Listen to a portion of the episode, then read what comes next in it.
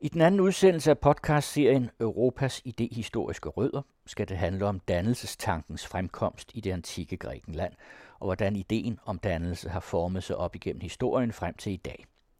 I udsendelsen medvirker Anne-Marie Egert Olsen og Jens Erik Christensen, begge lektorer ved Danmarks Pædagogiske Universitet, universitetsadjunkt Morten Timmermand Korsgaard fra Malmø Høgskoler og professor emeritus Peter Kemp.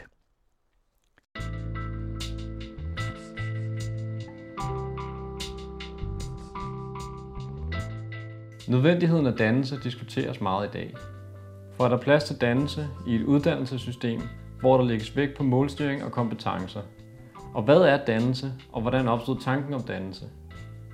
Lektor i pædagogisk filosofi, Anne-Marie Egert Olsen, fortæller her, hvad dannelse, det såkaldte paideia-begreb, var i det antikke græske samfund. Den græske forestilling om paideia opstår og diskuteres i 5. århundrede før Kristi. Og et godt spørgsmål er, hvorfor man begynder at tale om paideia og tematisere paideia. Og i første omgang kan vi sige, at det er et bredt begreb, der omfatter forestillinger om opdragelse, om viden, lærdom, hvad vi i dag kalder uddannelse. Det kaldte man det jo ikke dengang, øh, men lærdom kan vi måske sige og dannelse, altså noget, der er en form for forbindelse mellem de to elementer af opdragelse og, og viden og lærdom, men som også er noget mere og omfatter noget mere end øh, de to momenter. En af indfaldsvinklerne til det kunne være at øh, ja, se på, hvad det er for et politisk system, hvad det er for en samfundsform, man har. Det er det, vi kalder den athenske guldalder, eller den græske guldalder med demokratiet. Og øh, der har vi faktisk en meget fin beskrivelse af demokratiet hos den græske historiker Tukidid, som refererer, hvad den store demokratiske folkefører Perikles på et tidspunkt har sagt om demokratiet. Og undersøger man hans øh, beskrivelse af demokratiet, så kan man sige, hvad indgår der egentlig i det? Hvad forudsætter det, at mennesket skal være og skal kunne for at kunne leve i et demokrati. Og det er altså alt sammen ikke noget, der kommer naturligt. Det er noget, som mennesket på en eller anden måde skal lære. Fordi overskriften på demokratiet er frihed. Og noget af det første, Perikles understreger, er, at det betyder, at man har frihed til at leve sit liv, som man vil. Og der fremhæver han også, at det så betyder, at man skal kunne lade de andre leve deres liv i frihed. Så det første, man kan sige, at øh, demokratiet kræver, det er tolerance. Altså en form for tolerance over for, at din nabo altså ikke lever sit liv på samme måde, som du selv gør. Og for at være tolerant over for noget, som man måske er uenig med, eller ikke bryder sig om, eller hvad det nu kan være, så kræver det en enorm selvkontrol af individet. Så altså det demokratiske menneske er et menneske, som er i stand til at udøve en meget stor selvkontrol, så man altså ikke render hen og, og blander sig i, øh, hvordan lugter naboens mad, hvad for noget tøj går de i, hvilke, på det tidspunkt, hvilke guder de øh, først og fremmest dyrkede, når de ikke lige dyrkede de statsguder, de skulle dyrke osv. Det er også et system, hvor øh, alle er lige for loven, og loven også er der for at beskytte alle på som øh, Perikles fremhæver, navnlig dem, der er, er svage. Øh, og derfor så kræver det også en høj grad af retfærdighed, forstået som en personlig holdning, altså som en dyd. Øh, ikke som noget specielt ved, ved systemet, men som noget ved personerne. En person skal være retfærdig eller retsindig. Hvis man så ser på selve øh, det demokratiske system, øh, Øh, så er det jo et system, hvor man løser sine konflikter ved at diskutere, samtale og stemme. Altså ordet stemme siger jo også ligesom, hvad det handler om. Og derfor så snakker vi sammen, i stedet for at slå løs på hinanden eller bekrige hinanden inden for bystaten. Øh, bystaterne slås rigeligt indbyrdes. Men altså inden for det politiske system, så var sproglig kompetence altså en øh, forudsætning for, at man kunne være en aktiv borger, der deltog i demokratiet. Og i sig selv er sproglig kompetence altså at kunne tale øh, godt og nuanceret, og i øvrigt heller ikke være bange for at gøre det.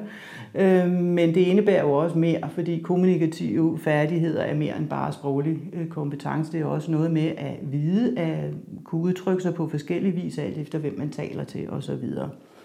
Så her har vi altså øh, en, en klump af færdigheder, kompetencer, øh, holdninger, som er noget af det, vi jo ser indgår i vores undervisning i det, vi forstår ved dannelsesfaget, øh, som hos os er dansk. Altså sproglig kompetence, kendskab til forskellige, vi skriver stil, kan udtrykke os på forskellige måder, kan læse forskellige typer tekster, alt sådan noget. Kombineret med også måske idéer om, hvordan øh, ja, vi kalder medborgerskabsdyder og sådan nogle ting. Men der er et element til, og det er, at øh, det er ikke nok, at man kan snakke. Øh, fordi skal man snakke ordentligt for en sag, så må man altså også vide noget om den.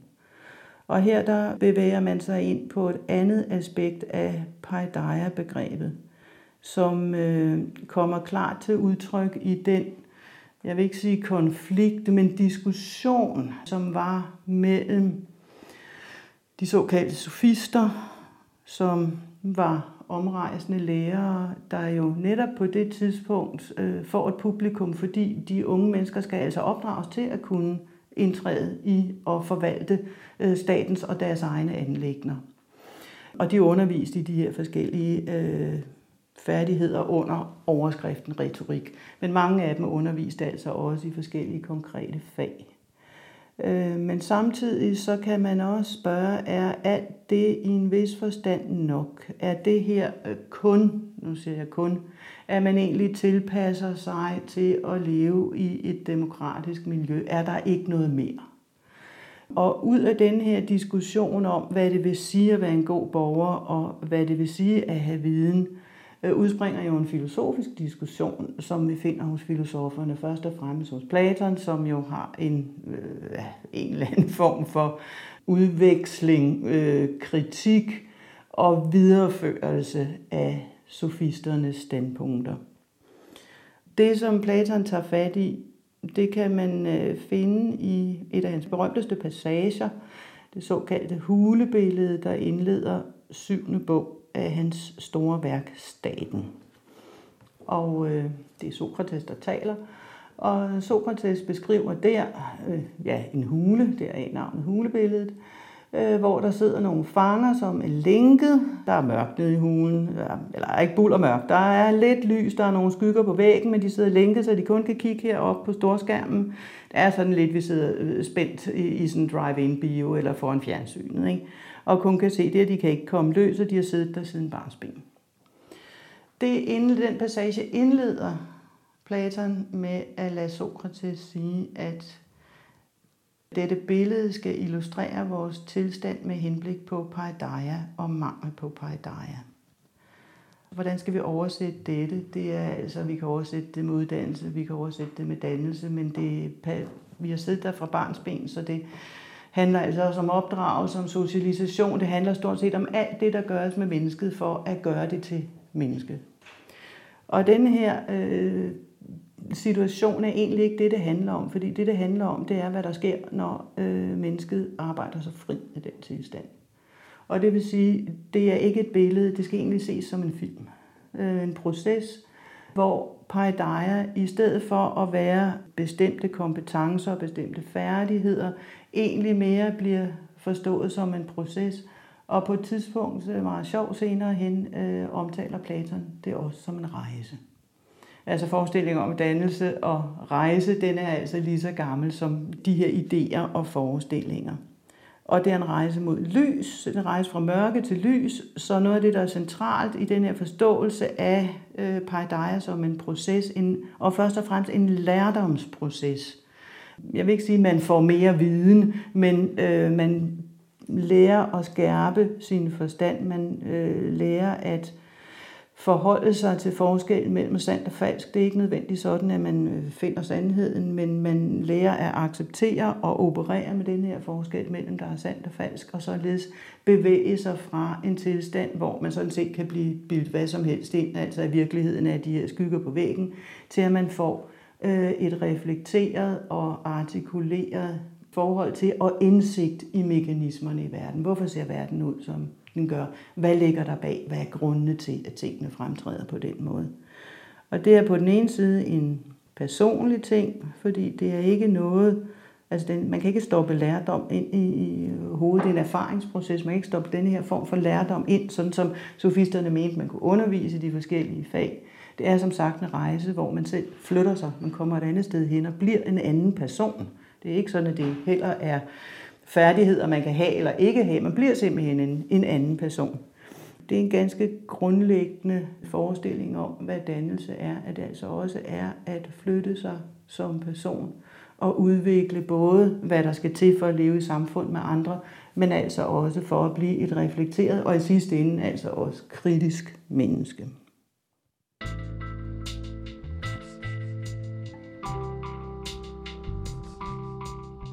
Men under hvilke omstændigheder foregik dannelsen i den antikke græske bystat? Det giver adjunkt Morten Korsgaard fra Malmø Høgskole et indblik i her. Det, som er så interessant ved begrebet skolæ, som jo er den etymologiske oprindelse til skolebegrebet, er, at det i sin oprindelse ikke var knyttet til øh, uddannelsesinstitutioner. Altså det var ikke knyttet til det, vi i dag forstår ved skole, eller seminarium, eller universitet, eller noget sådan. Det var i stedet for et tidsligt begreb. Den måde, man talte om det, vi i dag vil kalde skole i den gamle græske bystat, det var i begreber som at gå til lærer, eller gå til musiklærer, eller gå til idrætslærer, gymnastiklærer.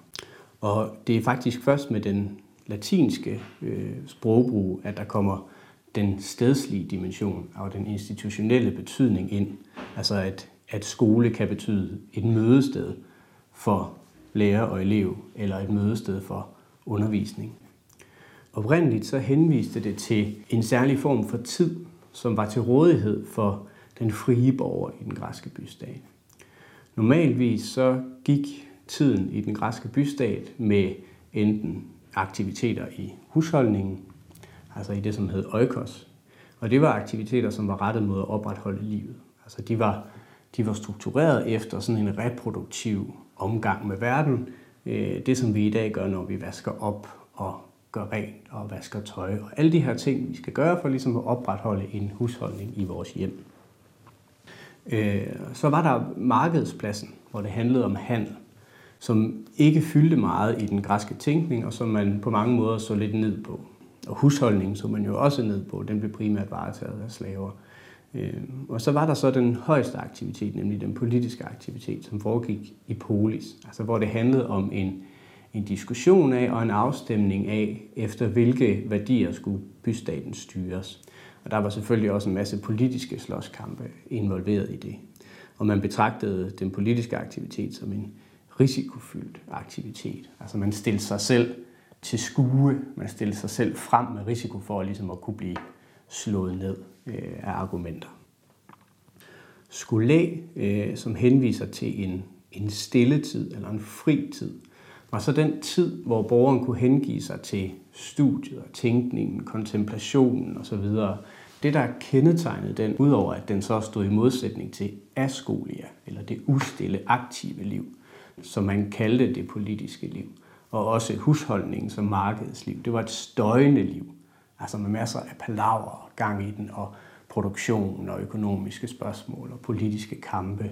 Og skulle stod så i modsætning til det her ved at henvise til det stille liv, eller det liv, hvor, hvor den frie borger kunne trække sig tilbage til studiet, kontemplationen og tænkningen, øh, og øh, det her forsøg på at forstå den evige verden. Men altså, at man beskæftigede sig med studiet af verden for verdens skyld, altså for selve aktivitetens skyld. Husholdningens tid var rettet mod overlevelse. Øh, det samme var markedspladsen, fordi det var ligesom der, man skulle handle sig til den velstand, der skulle til for, at husholdningen kunne køre. Og det politiske var så rettet mod bystaten, og hvad skal man sige, en strid om det gode jo, øh, helt grundlæggende. Så det var nogle meget rettede tider. Men skolæ var karakteriseret ved at være en, en kairotisk og ionisk tid, hvor, hvor det også bliver kaldt en ikke-direktionel eller en tidsløs tid. som Ionisk henviser til. Øh, en tid, hvor man ikke er rettet mod et mål. Altså vi skal ikke nå nogen steder hen. Vi, vi er beskæftiget med læsningen for eksempel, for læsningens skyld, musikken for musikkens skyld osv., og studiet for den her proces, tid. Så det handler om emergens og om åbenbaring. Det er en bevidst adskillelse i den græske bystat og en holden tilbage fra husholdningen, produktionen øh, og den politiske tid. Og det henviser også til det her med at holde tilbage fra ejerskab og retning. Altså vi er ikke beskæftiget med at tage ejerskab over noget. Vi er ikke beskæftiget med at erobre noget. Vi er ikke beskæftiget med at opnå bestemte målsætninger. Man kan også, hvis man bruger nogle lidt mere moderne begreber, så sige, at det handler ikke om læring, udvikling og vækst, som er nogle af de termer, vi ligger på skolen nu til dags, men i stedet for om, om studie og tænkning og øvelse.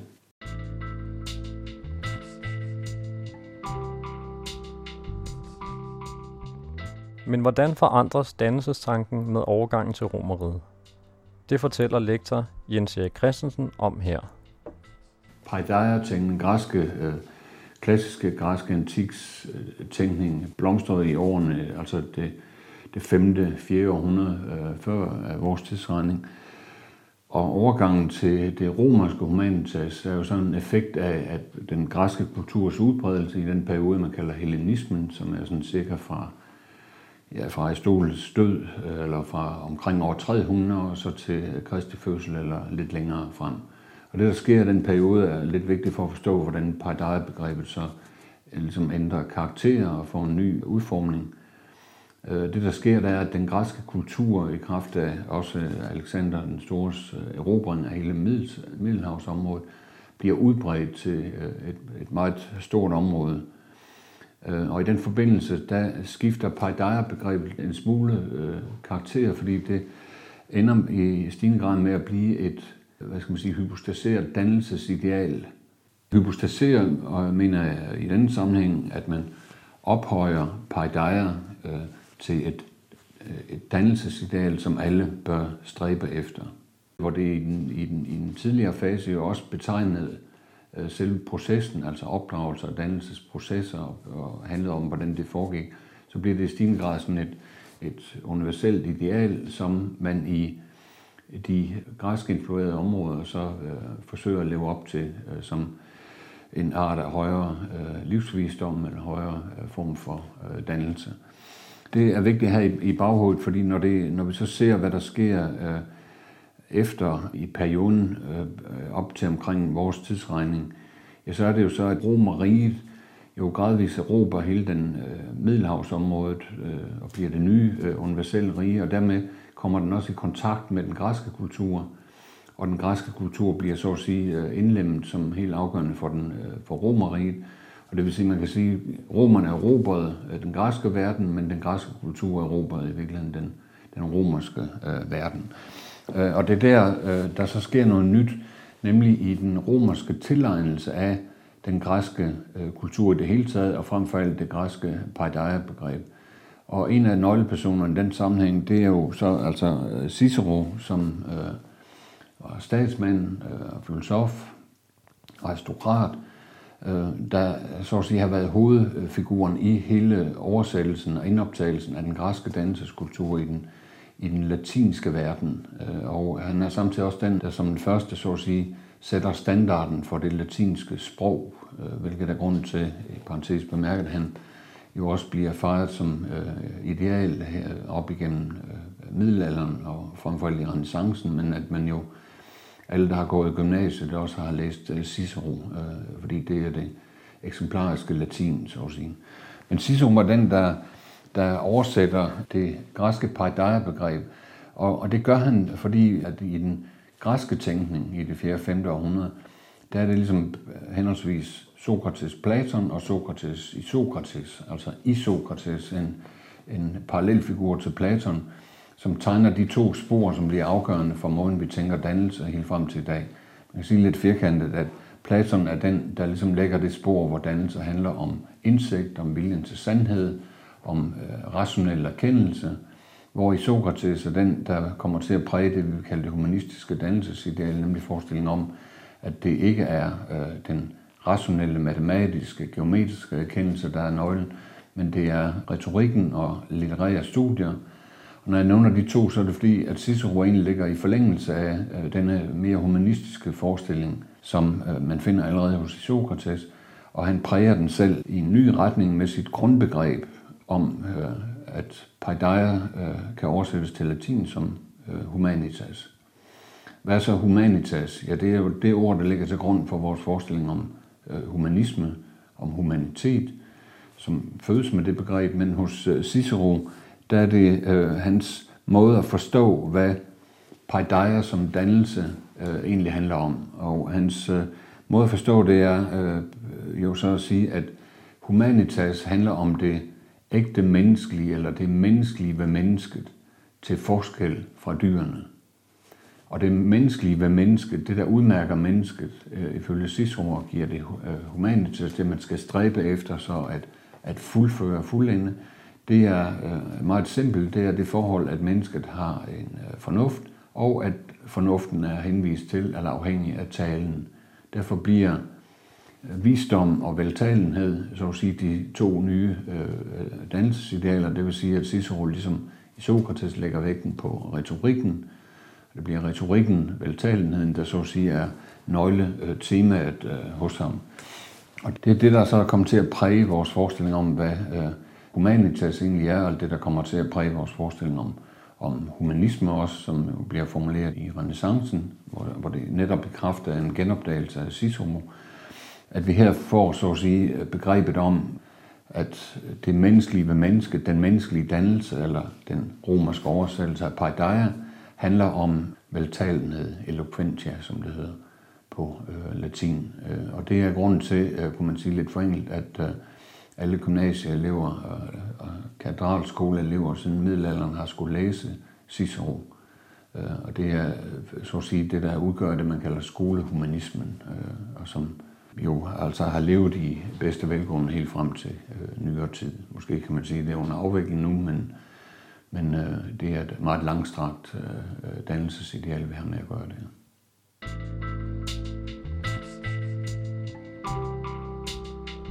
I løbet af middelalderen og ved naturvidenskabernes fremkomst trænges antikkens dannelsesideal til side af kristendom og fagkundskab.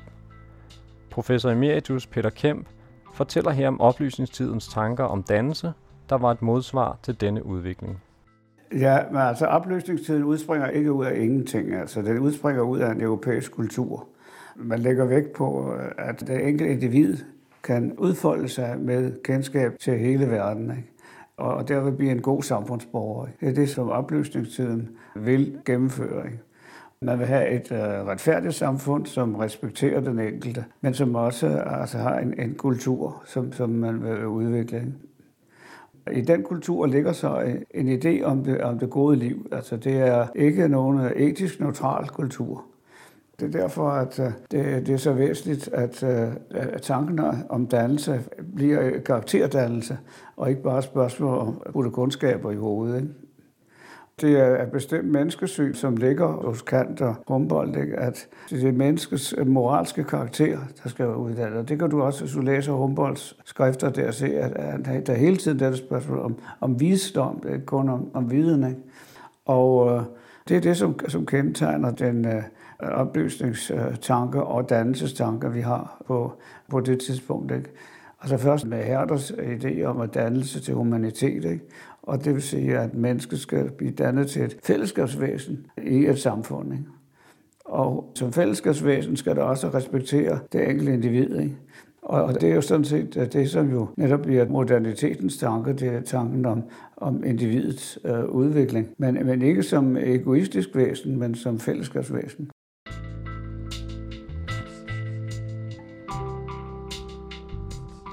Men hvor står diskussionen om dannelse i dag? Og hvad er årsagen til den fornyede debat om dannelse? Vi vender tilbage til Jens Erik Christensen.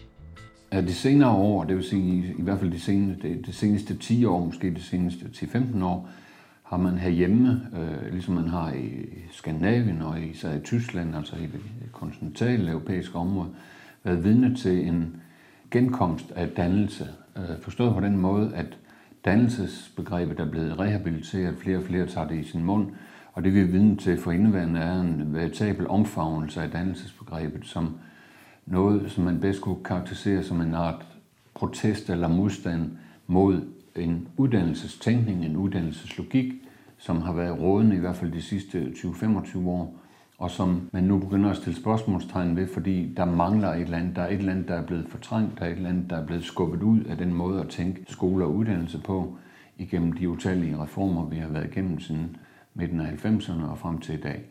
Så dannelsen, øh, kan man sige, er kommet igen. Dannelsen bliver omfavnet næsten i en grad, som man kan sige, at dannelse er ved at blive et moderne luderbegreb, som alle vil lægge i med.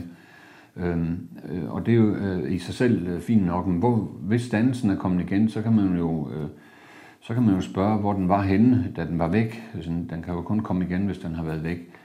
Og der tror jeg, at man skal lidt længere tilbage og forstå, at øh, dannelse har øh, i, i dansk sammenhæng, siden det dukker op i slutningen af 1700-tallet som oversættelse af det tyske bildungsbegreb, jo et parallel med, at uddannelsesbegrebet også øh, vinder indpas, så har dannelsesbegrebet faktisk øh, siden 1700-tallet og så helt frem til et godt stykke op efter 2. verdenskrig, jeg vil være tilbøjelig til at sige indtil 1960, været et, et helt selvfølgeligt og helt centralt begreb, ikke kun i gymnasiet, som jo er almendannelsens institution, men frem for alt også i folkeskolen. Altså i 1814-loven, øh, fra 1814-loven, den første folkeskolelov, så helt frem til 1975-lov, der var det indlysende, at folkeskolen havde to øh, væsentlige øh, formål. Den ene var at bibringe kundskaber og færdigheder, den anden var at øh, fremme og sørge for elevernes, så hed det ikke almen dannelse, det hed karakterdannelse. Så det har, det har været øh, indlysende, at dansen var der øh, på et tidspunkt, men den forsvinder så, hvis man ser på folkeskolen, forsvinder den faktisk med den blå betingning, selvom den blå betingning i 1960, som var en uddannelsesvejledning, en meget omfattende uddannelsesvejledning for skolen, den faktisk stadigvæk taler om karakterdannelse, men den taler også om personlighedsudvikling. Det, der er sket sidenhen, er, at personlighedsudvikling er blevet løsredet fra karakterdannelse. Man har, man har siden 1975-loven i folkeskolen talt om altid personlig udvikling som del af folkeskolens formål, det har bare ikke haft noget med dannelse at gøre. Det er en psykologisk problematik, som i stedet for blev overtaget af forestillingen om, at personlighedsudvikling også var knyttet til læring og kompetenceudvikling. Det jeg vil sige med det er egentlig, at hvis man skal forstå dannelsens genkomst, så er det i lyset af, at uddannelsesbegrebet siden 60'erne har været det alt dominerende overbegreb i øh, dansk uddannelses- øh, og skoletænkning. Og hvad betyder det? Skulle der være noget galt i det, kunne man sige? Nej, ikke andet end, at uddannelse på dansk altid har haft en relativ marginal, men frem for alt en meget snæver pædagogisk betydning, fordi uddannelse er noget, man tager med henblik på et job på arbejdsmarkedet. Uddannelse er noget, man tager efter man har gået i skole. Historisk set var det meget få, der tog en uddannelse. Fra 60'erne frem har uddannelseseksplosionen betydet, at øh, flere og flere jobs og flere og flere mennesker skulle have en uddannelse for at komme ud på arbejdsmarkedet. Men det har så samtidig betydet, at uddannelse ligesom har hævet sig op til at blive, at blive overbegrebet for alt det, der foregår fra vuggestuer og børnehaver frem i skolen osv., sådan at man nu i dag, og det er så siden øh, slutningen af 90'erne, er begyndt at tænke sågar vuggestuer og børnehaver som uddannelsesinstitutioner, hvilket dybest set er en kategorifejl, og en af de fejl, som har gjort, at dannelsesbegrebet er kommet igen, nemlig en børnehave eller en skole er ikke en forberedelse til arbejdsmarkedet, eller i hvert fald ikke kun. Og det går helt galt, hvis man siger, at det kun er det, der skal ske. Det var man ved at gøre i 2006, da man i folkeskolen skrev, at øh, folkeskolens ypperste formål var at forberede sig videre uddannelse. Folkeskolens formål har altid været bredere, nemlig både at bibringe kundskaber i bredeste forstand, men også at udvikle børnenes øh, egenskaber, det man tidligere kaldte karakteregenskaber, en term, som i øvrigt er kommet voldsomt igen øh, de seneste år, blandt andet med Per Schultz Jørgensens øh, bøger om øh, robusthed, resiliens og, og så videre. Men det er alt sammen symptom på, at den voldsomme fokusering på uddannelse, som i virkeligheden er en anden måde at sige, at vi fokuserer al pædagogisk indsats fra vuggestuer frem på, hvad der skal komme ud af det i den anden ende, nemlig i forhold til arbejdsmarkedet, i forhold til employability, eller det der på dansk hedder arbejdsduelighed, ja, så har vi glemt livsdueligheden øh, som en, en del af det helt afgørende for et samfunds måde også at reproducere sig kulturelt og politisk, demokratisk. Og alt det samler dannelsesbegrebets genkomst ligesom op på. Alt det, som er blevet screenet ud af en alt for ensidig, alt for reduktiv uddannelsestænkning, der er koblet op på PISA-undersøgelser og læring og kompetencebegreber, så at sige har screenet alt det værdimæssige, alt det normative ud af skole- og uddannelsessystemet. Og alt det værdimæssige og normative, som altid har været grundlæggende siden antikken, som vi også har hørt i den her udsendelsesrække, det kommer så igen, fordi man nu begynder at, at søge efter et andet sprog, og det gælder også ministre, sågar vores nuværende undervisningsminister, som vores nuværende forskningsminister, er jo selv på jagt efter et andet og bredere sprog til at forstå, hvad der skal foregå og bør foregå i skoler og i uddannelsessystemet på universiteter. Og der har vi så dannelsens genkomst. Det store problem ved dannelsens genkomst er så, at det præcis er, stort set er lige så mange dannelsesbegreber, som der er folk, der mener noget om dannelse. Det vil sige, at det er blevet et inflatorisk, nærmest et imploderet begreb, som alle gerne vil give betydning, men der er lang vej derfra så til at sige, hvordan kan vi så fremme dannelsesprocesser i skolen? Hvordan kan vi fremme dannelsesprocesser i, i et uddannelsessystem, som er mere og mere fremdriftsorienteret og mere og mere produktivitetsorienteret osv. Det er den store udfordring.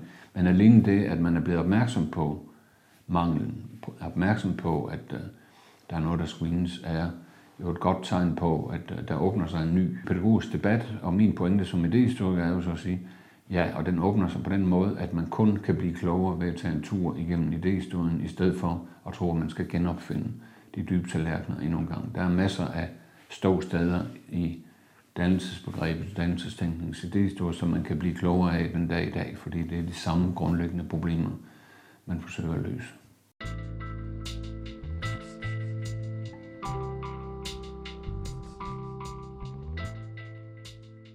Podcast-serien Europas idehistoriske rødder er tilrettelagt af den anden radios Claus Bo Bjerglund Andersen, To Eik Mulvad og Lasse Nyeng Hemmeke. Og i næste program skal det handle om kristendommens fremkomst i Europa. Serien er støttet af Europanævnet.